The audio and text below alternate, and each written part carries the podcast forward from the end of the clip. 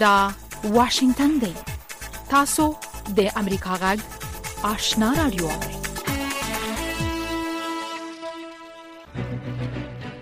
قدرمن اوریدونکو السلام علیکم زه شافیا سردار یم دا د امریکا غږ آشنا رادیو خبرونه پیل شوه لومړی خبرونه واوري طالب چارواکي وایي د کابل ښار د 15 امنیتي او زیړون مربوطاتو کې د چاودنې لامل اته کسان ټپيان شوې دي د کابل د امنیه قومندانۍ ویان خالد زدران امریکا غږ ته ویلي چاودنه نن چهارشنبه سار د کابل ښار 15 او زیړون کارتي مامورین سیمه کې د کلیو پراختیا وزارت د کارکونکو په موټر وشوه چې اته تنه پکې زخمیان شو تر اوسه کم کس یا ډلې د دې چاودنې مسولیت په غاړه نه دی اخیسته په افغانستان کې د ملګرو ملتونو سیاسي نمایندګي یا یوناما د خبریالانو سره د تاوتریخوالي زیاتېدو په اړه اندېښنه څرګنده کړې او ویلي دي چې د 2021 کال د اگست میاشت وروسته په افغانستان کې د خبریالانو د انساني حقوقو څخه د سرغړونې تر 200 ډېرې پیښې ثبت شوې دي یوناما نن د چهارشنبه په ورځ یعنی د نومبر په دویمه د ژورنالیستانو په وړاندې د جرمونو د معافیت پای ته رسولو نړیوالې ورځې په مناسبت په خپل فیسبوک پاڼې لیکلي تر ټولو لوړ شمیر کې یې په خپل سر نیونې ناوړه چلن ګواښل او ډارول شامل دي یوناما ادارې په افغانستان کې د خبريالانو سره د تاوتریخوالي د عاملینو په اړه نور معلومات نه دي ورکړي خو تر دې مخکې د آزادو خبريالانو د ملاتړ بنسټونو د طالبانو حکومت په وخت کې د خبريالانو د نیولو او غواخلو په اړه اندېښنې خوده لوي ملګرو ملتونو په ټینګار سره ویلي دي چې د ژورنالیستانو د خوندیتوب سره د مرستې لپاره باید له مجازاتو معافیت پای ته ورسیږي امریکا وایي چې طالبان خپل تګلارې بدل نه کړي نړۍ به ورسره هیڅ اړیکې جوړې نه کړي د امریکا د بهرنیو چارو وزارت ویلي د القاعده شبکې مشر ایمن الظواهری ته تر پناه ورکولو او د غتر وژل کېدو وروسته طالبان باید په خپل عمل سره د نړۍ باور خپل کړي د امریکا د بهرنیو چارو وزارت ویان ویلي د امریکې په ګډون ټوله نړیواله ټولنه به تر هغه د طالبانو سره اړیکې ونه ساتي ترڅو چې هغه د ټولو افغانانو بشري حقوقو ته درناوی ونه لري د امریکا د بهرنیو چارو وزارت ویان نت پرایس ویلي دي امریکا او نړیوال متحدین به اجازه ورنکي چې افغانستان یو ځل بیا د ترګرو لپاره په خوندي ځای بدل شي او نړۍ ته خطر پیښ کړي امریکایي چارواکو د جرمونو د نړیوالې محکمې یا آی سي سي د هغې پریکړې په اړه خبرګون خودلې چې غواړي په افغانستان کې د امریکایي ځواکونو د بد چلند د تورونو په اړه پلټنه وکړي د جرمونو نړیوالې محکمې ویلي غواړي بیا په افغانستان کې د جنگي جرمونو او بشریت ضد جرمونو په اړه تحقیق پیل کړي چې پکې په امریکایي ځواکونو باندې د بد چلند د تورونو په اړه تحقیق هم شامل دی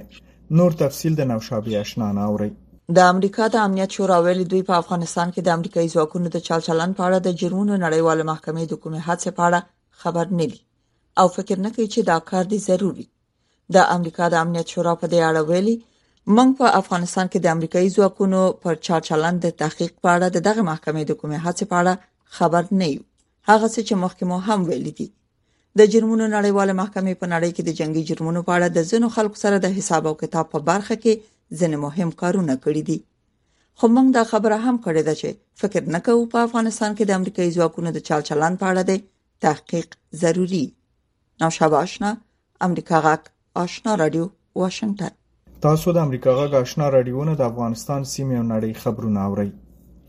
د ترکیې د بهرنی چارو وزیر د سې شنبې په ورځ ویل جمهور رئیس رجب طیب اردوغان به په راتلونکو ورځو کې د خپل روسي او اوکرایني سیالانو سره د اوکراین څخه د غلجاتو د صادرولو په تړون بیا خبرې وکړي د روان کال د جولای په 22مه روسیه او اوکراین د ملګرو ملتونو او ترکیې په منځګړیتوب یو تړون لاسلیک کو چې د توري بهیري بندرونه بیرته پرانیزي ترڅو د اوکرين غلجات د غهواده بهر صادر شي او په دې توګه د خوراکي توکو هغه بحران چې په اوکرين د روسیې د پوځي يرغل وروسته رامنځته شوی کم شي روسیې د اوکرين په جنوب کې د دنیپرو سین په غاړه کې پراته زورګونه ولسی خلکو ته امر کړی چې ووزي کیف دا کار د خلکو اجباري شړل بللی دی. د راپورونو د مخې د روسیې له لوري ګمارل شوو مقاماتو اویا زره خلک د اوکراین د تهاجمي بریدونو د ویرې نورو ځایونو ته انتقال کړي دي. امریکا کې محکمې د داعش وغړي په شل کالو بند محکومه کړې ده د امریکا یوې ایالتي محکمې هغه امریکایي د ترګرۍ په تور په شل کالو بند محکومه کړه چې مسلمانه شوې او په سوریه کې د داعش ډلې سره یو ځای شوې وه امریکایي چارواکي وایي الیسن فلوکي اکرن په سوریه کې د داعش د خزینه جنگیالیو د یو کندک مشر و چې په قتل او ترګرۍ تورنه شو د میرمن فلوکي اکرن محاکمه د امریکا د ورجینیا ایالت د الکساندریا په ښار کې و یو امریکایي څارنوال راج پارخ ویلي دي چې میرمن فلوکي اکرن د اتو کلونو رئیس د لیبیا، عراق او سوریې په ګډون د سیمې په هیوادونو کې په تروریستي جنایتونو کې دخیله وه او د ملګرو ملتونو علمي او فرهنګي سازمان یونسکو ویلي په نړۍ کې د ډیرو ژورنالستانو د قتل قضیو ته رسیدګي نه ده شوې او قاتلان یې نه دي مجازات شوي یونسکو په یوې اعلامیې کې ویلي د خبريالانو د وژلو په قضیو کې معافیت شپږ اتیا سلنه لوړو چې د منلو نه دی یونسکو د ټولو هیوادونو څخه غوښتنه کړې چې باید ټول ضروري اقدامات وشي چې د خبريالانو په ضد جنایتونه په سم ډول وپلټل شي عاملین یې معلوم او محکوم شي تاسو د آشنا رادیو نه خبرونه واوریدل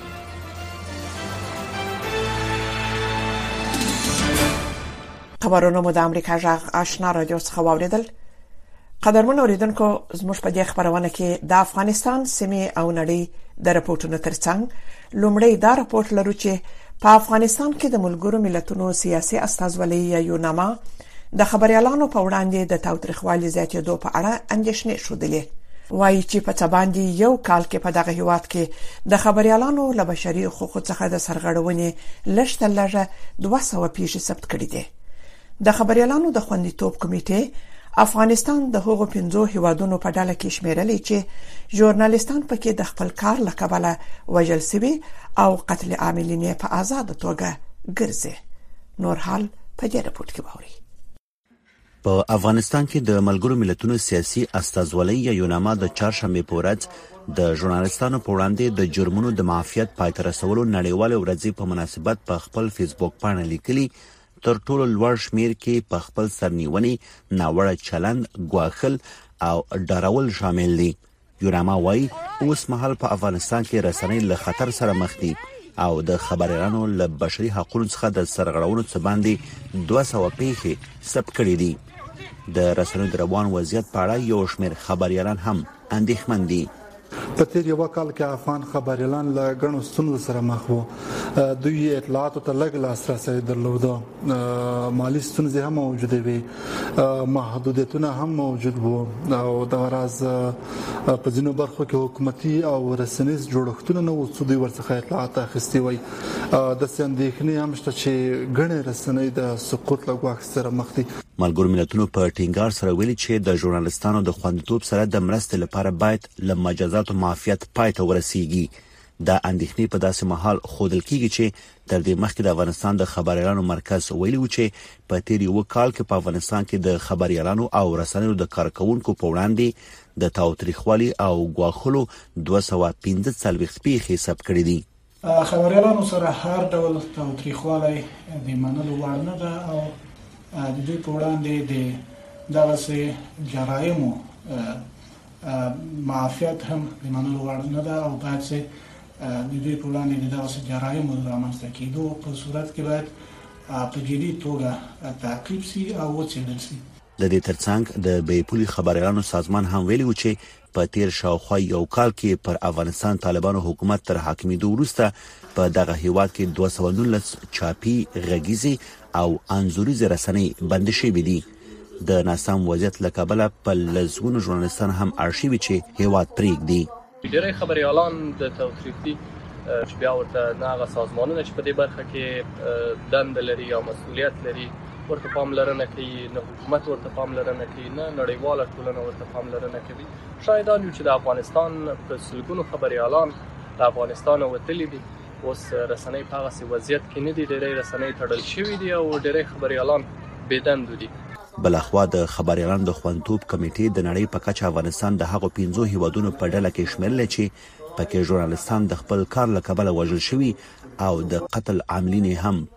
په آزاد توګه ګرځي در های اخیر به اساس آماری که ما به دست آوردن 128 خبرنگار در افغانستان به قتل رسیدن که دو خبرنگار در رژیم طالبان جان خود از دست دادن در جریان یک حمله انتحاری و از میان این واقعیات قتل هشت بانو بانوی ژورنالیست بودن که جان خود از دست دادن و متاسفانه دوسیه های اندکی از این قضاییان مورد بررسی قرار گرفته. د ملګرو ملتونو علمي او فرهنګي سازمان یا یونسکو وایي چې په نړۍ کې د ډیرو ژورنالستانو د قتل قضیو ته رسیدګي نه ده شوې او قاتلان ته سزا نه ده ورکړل شوې که څه هم طالبانو په وار وار ویلي چې په افغانستان کې رسنۍ په آزاده توګه فعالیت کوي خو تر دې مخکې د هشت صوب او زاویه میډیا ویب پاڼې وتړلې او تازه د کابل نیوز په نوم خصوصي ټلویزیون هم د ځینو ستونزو له کبله خبرونه ودرولې وحید فیضی امریکا غږ د امریکا غږ د آشنا رادیو په خپلو بیلو بیلو خبرونو کې د نړۍ د ګډ ګډ او د افغانستان په باب جامع به طرفه او موثق راپورونه خبري د امریکا غږ د آشنا رادیو خبرونه مهیروي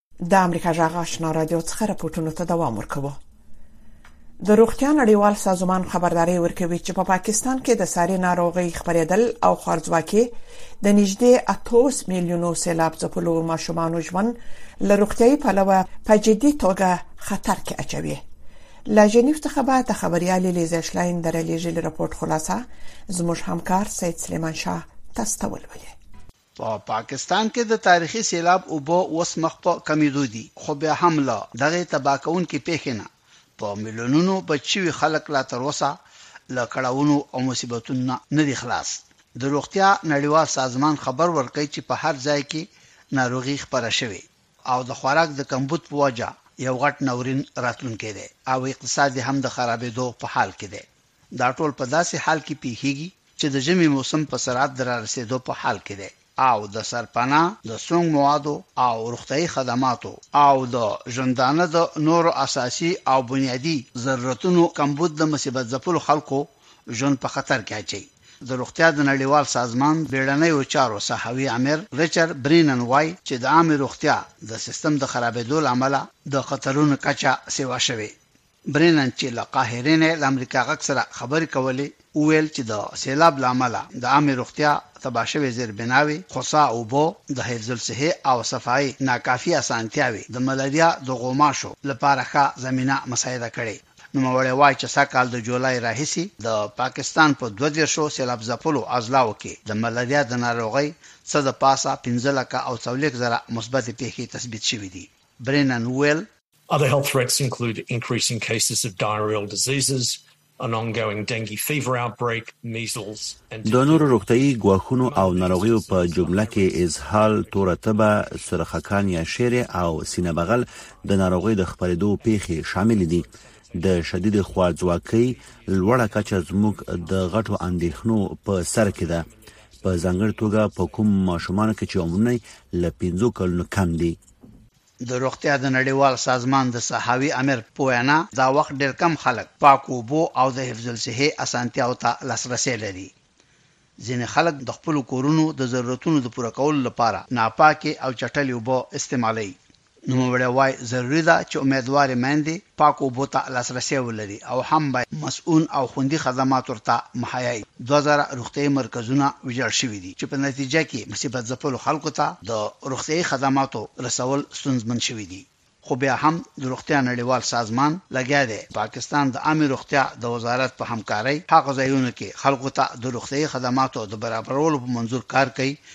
چې خورا زیاته اړتیا ورته لیدل کېږي، چې په دې کې د شدیدې سویې تغذي د کنټرولولو او انسجام چارې هم شاملې دي. موږ سکریننګ او څارنه جاري ساتو، په ځینو ځایونو کې خو د شدیدې خوارځواکۍ له لس په سلو کې زیاتې پېښې ملاحظه کوو.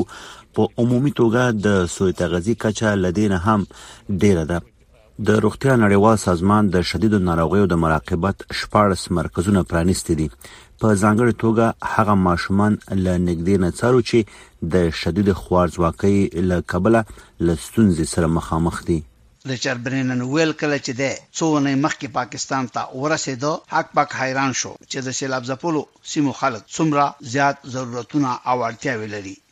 په ځانګړې توګه د سند صوبه چې سیلابونو تر ټولو زیاته ځبلې ده. برینن وایي متاسفانه چې د نړۍ په ځینو نورو هېوادونو کې د بشري بحرانونو د رامنځته کېدو په وجه د پاکستان د سیلاب له افت نه د نړیوالو توجه په بله خوا واوښته.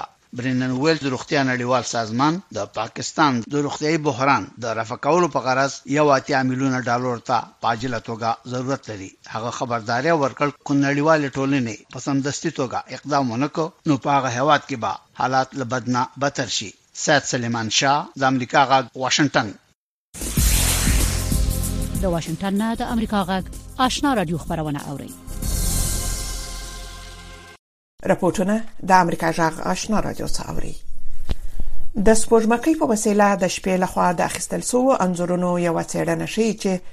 دیکتاتوران د خپل هیوادونو د اقتصادي وادي په بیانولو کې ډېر مبالغه کوي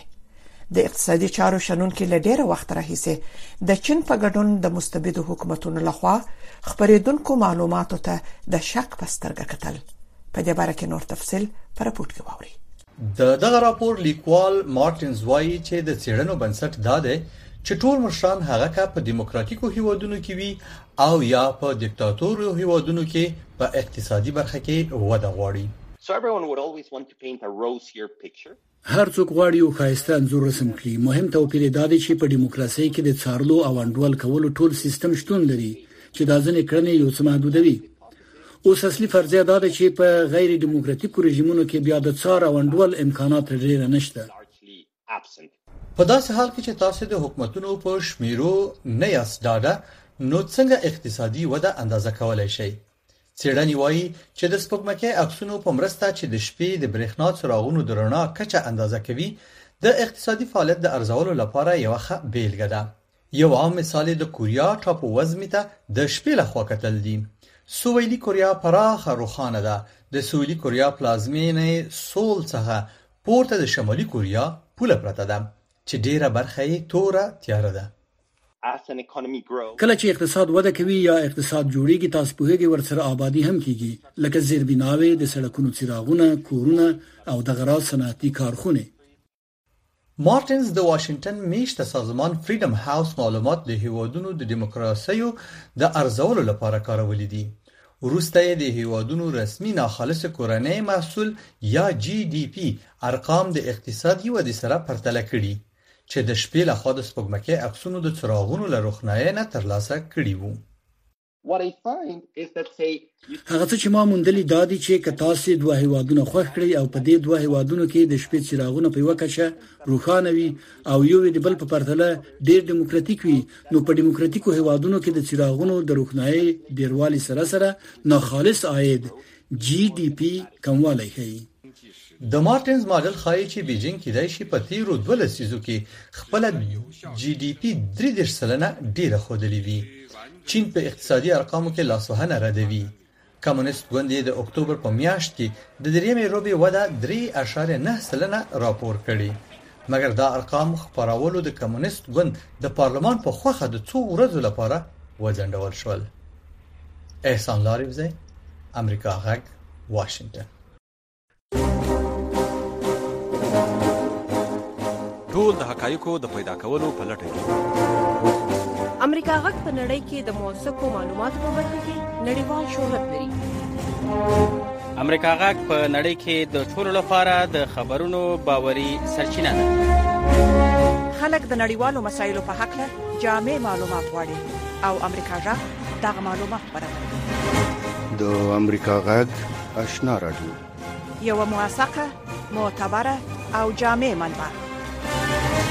منځنۍ چپه 1290 او په 15 ښارونو کې اف ام 0.15 درمن اوریدونکو افغاني پیغلې د ښوونځیو پر ځای د زعفرانو په کروندو کې په کار بوختې دي د نورو ولایتونو په شان د هرات په ولایت کې د طالبانو لخوا د جنونو د ښوونځیو د تړلو وروسته جنونو زده کوونکو د زعفرانو په کروندو کې کار ته مخه کړې ده نور حال پر پورت کې ووري لخوانځیو تر کروندو شاوخوا 14 میاشتې کېږي چې طالبانو له شپږم ټولګي پورته د ښوونځیو دروازې د نجونو پر مخ تړلې دي. اوس په هرات کې د غنجونو د ښوونځیو پر ځای د زعفرانو کروندو ته مخه کړې ده. همچون همه جایی که کار میکنه کلا خانماین و بخش کارمندان هم خانماین و در کنار از که با فامیل هم کمک میکنه میتونه مصرف از کمتر از فامیل باشه اوس په ټول هیواد کې له یو میلیون نه زیاتې ځوان نجونې نشي کولای ښوونځي ته لاړې شي دوی اړې دي چې په کور کینی دا به د بختیاري وي که یې کار وموند وقتی که مکتبا تعطیل شده که طالب آمدن خیلی دخترها به خونه شیشتن خیلی مثلا افسرده شده حال خوبه که امی کار هسته مثلا ما دختر خوبه که هم کاری که پول برای آدم میده هم درآمدیه به خود ما هم به فامیل ما خیلی خوشحاله که امی کار هسته د زعفرانو کروندګر او سوداګر بیا خپل ستونزې لري چې بهر ته د زعفرانو لیګل او د پیسو راکړه ورکړه یو دو بیلګې بحث محدودیت هایی هسته که در افغانستان فعلا وضع شده بحث مسائل رسمی شناختن و اینا از یک طرف اینا خود از اینا محدودیت های بانکی از یک طرف متاسفانه شرایط صادرات برای ما محدود کرده و ما همی فعلا اکثرا مشتری های خود که در های گذشته داشت، از دست دادیم خود از ما به صورت مستقیم نمیتونیم از بسیاری از کشورها ما پول خود از مشتری بگیریم طالب چارواکو ویلي وو چې د منځنۍ خوانځیو او لیسو تړل لنډمهاله دي دوی ورته پیسې نه لري بیا یې ویل د دیني علماو ترمنځ د نجونو د ښوونځیو د پرانیستو پر سر اختلاف دی حل به شي او په وروستیو کې کلتوري ستونزې په ګوته کړي لا هم څرګنده نه ده چې د نجونو ښوونځي به پرانیستل کیږي او کنه احسان لار یو ځای امریکا غږ واشنگتن د واشنگټن څخه د امریکا جغ آشنا را دوه اوري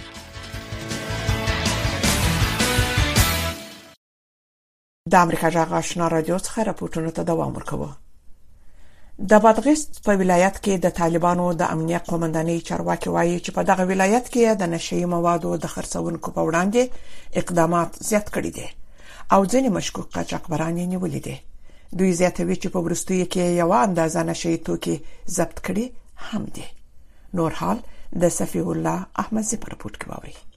بادغیس د افغانستان په لویدیځ حوزه کې یوازینی ولایت دی چې د نشهیي موادو معتادین پکې لږ تر سترګو کیږي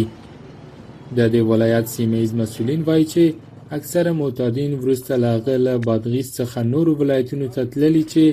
دوی د نشهیي موادو د پلورونکو نیولو سره نشه يي موادو ته لاس رسی محدود کړ. در ولایت بادغیس معتادین کم شده است و علت کم شدنشان این است که در یک سال گذشته تعداد از خرده پوشان که به معتادین مواد می رسندند دستگیر شدند و تعداد معتادین هم از شهر جمعآوری شدند که برای تداوی به کلینیک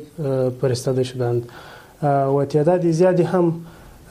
از معتادین که منبع مواد رسانی برایشان گم شده بود مجبور به ترک ولایت شدند. په بادغیس کې عام خلک بیا وایي چې د معتادینو د حضور له کمېدو خوښ دي. بالاخره موږ ډیر خوشاله یو چې د بازار کې ګرځي یو معتاد نه یني خو ګرځي دی خو ګرځي هیڅ معتاد نه یني معتاد سره سر مخ نه لرو فعلا دکانو مخه کې مثلا شپه ورځ د کانتینونه د غرفه کې شان چې دینه به هر څه پټول مثلا فکر دینه اوس د یو سوداري کې خود لم دای دنه پټوله بل اخر اوس نسته یو نه نه غلاوي کمی سوي دي فعلا د قلاینو په شهر کې واقعیت چې ټیټواله موندلې دي او دغه کسان چې په نشي توګي روغ دي دي ارلشسي وي دي او دا هم ډیر د خوشحالي ځای دي د بادغیس په مرکز قلناو کې د مخدره موادو د معتادینو حضور داسې محل کم شوی دی چې په دغه ولایت کې د معتادینو د درملنې چارې هم د مرستو له کمي سره کمې شوي. دا ولایت د افغانستان په کچه د کوکنارو د کرلو په لحاظ هم په څلورو هغو ولایتونو کې شامل دی چې ډېر کوکنار پکې کرل کېږي. صفی الله احمدزی امریکا غږ که غواړئ چې هر وخت د نړۍ او افغانستان په اړه تازه موثق او به طرفه معلومات ترلاسه کړئ نو د امریکا غږ آشنا رادیو د خبرونو اوریدل مه هیروئ رپورټونو ته دوام ورکوو سومالیایي چارواکي کوشش کوي چې د بیسارې وچکالۍ له امله د رامنځته شوی قحطۍ مخه ونیسي چې نږدې 8 میلیونه سومالیایان یعنی د دغه هیواد نیمایي نفوس یې بیا اغیزمن کړی دی په دې باره کې تاسو پام وکړئ رپورت ده. د ملګرو ملتونو د خوړو نړیوال پروګرام وايي په سومالیه کې په نږدې نیمه پیړۍ کې تر ټولو سختې وچکالۍ په میلیونونو څاروي وژلې او د 1.15 میلیونو ماشومانو په ګډون نږدې 8 میلیونه وګړي د لوګي سره مخ کړي دي په پرله پسې ډول د باران په پنځم موسم کې هم د باران د نکیدو لامل د 1 میلیون ډیر سومالیان د کلیوالي سیمونه د بیدوا په سیر خارونو ته پکړه مجبور شوي دي موږ سخته وچکالي لیدلې ده د باران د نشټوالي له امله په پرله پسې څلور ځلې خپل فصلونه نشو کرلې زموږ څاروي مړ شوي او زوی مې په خوارځواکۍ اخته دی د 15 کلونو نه کم عمر لرونکي ماشومان خوارځواکۍ د تر ټولو نه زیات زیانمن کړي دي د اغیزمنو ماشومانو درملنه د بیدوا په روغتون کې کیږي زموږ سفر لس ورځې وخت ونیو، زما درې ماشومان د لوږې له امله مړه شول. موږ دلته د دریو میاشتو راهیسې هیڅ مرسته نه ده ترلاسه کړې. زموږ د عایدو یوازینۍ سرچینه هغه لرګي دي چې موږ یې پرې کوو او خرڅوو یې. که څه خرڅ نه شي، نو موږ نه شو کولی خواړه وخورو او کله ناکله ټوله شپه په لوږه تیروو. په روغتونونو کې د ماشومانو شمېر په چټکۍ په ډېرېدو دی. د خوارځواکه ماشومانو شمېر په خطرناک ډول لوړ دی. موږ ته به په میاشت کې د یو سلو پنځوس نه واخله تر دوه سوه پورې ماشومان راوستل کېدل. اوس هره میاشت د ماشومانو شمېر د درې سوو نه تر څلور سوو پورې رسېدلی دی. د سومالیا د سویلي لویدیځ ایالت حکومت د مرستندوی ادارو سره کار کوي چې د وچکالۍ اغیزې کمې کړي د بشري مرستو او طبي پیښو په وړاندې د مبارزې د چارو وزیر عبدالناصر عبدي اوروش د مرستو هرکلی کوي زموږ هدف دا دی چې ډاډ ترلاسه کړو چې په دې هیواد کې د قحطۍ مخه ونیسو خدای دې وکړي چې دا څه ونشي دا مهمه ده چې موږ ټول هغه څه وکړو چې د لوګي له امله د خلکو د مړینې مخه ونیسو د یو حکومت په توګه موږ د خلکو مسؤلیت لرو خو د بې ځای شو لپاره په موقتی کمپونو کې کافي مرستې نشته په سومالي کې د 2011 کال کاته څلورمه برخه خلک ووژل. که د خوراکي توکو نورې مرستې زر ونه رسېږي، مرستندویه ډلې وایي چې په سومالیه کې به بله قحطي سخت تاوان ورسوي. نذرانه یوسفزۍ، امریکا غږ، واشنګټن. یو موضوع څو زاویې د امریکا غږ نوې ځانګړې خبرونه د ونۍ د یوې تودې موضوع شننه او ارزونه لبیلا بیلو زاویو څخه د دې خبرونه کتل هر شنبه د ماخام په شپږنیمه بجې د یاسر د سپوږمکۍ په 309 چینل او د امریکا غږ د ټولنیزو شبکو د پاڼو لارې ماهر وي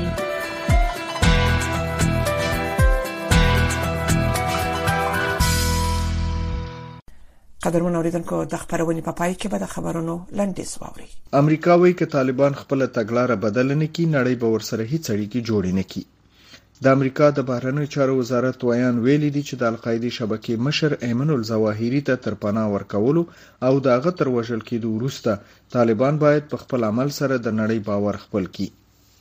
امریکایي مقاماتو د جرمونو د نړیوالې محکمې یا آی سی سی د هغې پریکړې په اړه خبرګون ښودلی چې غواړي په افغانستان کې د امریکایي ځواکونو د بد چلند د تورونو په اړه پلټنه وکړي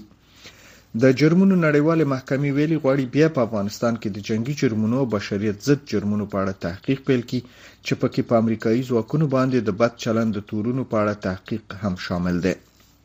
د ترکیې د بهرنیو چارو وزیر د سې شنبې په ورځ ویل جمهور رئیس رجب طیب اردوان به په راتلونکو ورځو کې د خپلو روسي او اوکرایني سیالانو سره د اوکراین څخه د غلجاتو د صادرولو په تړون بیا خبرې وکړي. روسیې د اوکراین په جنوب کې د دنیپرو سیند په غاړه کې پراته زرګونه ولسي خلکو ته امر کړی چې ووځي. کیف دا کار د خلکو اجباري شړل بللي دي. د راپورونو له مخې د روسیې له لوري ګمارل شوو مقاماتو اویا زره خلک د اوکراین د تهاجمي بریدونو د ویرې نورو ځایونو ته انتقال کړي دي.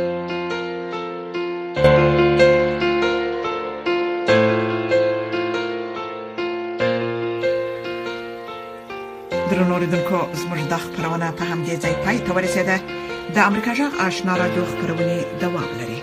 ستاسو ټول څه مننه چې زموږ خبرونه اوري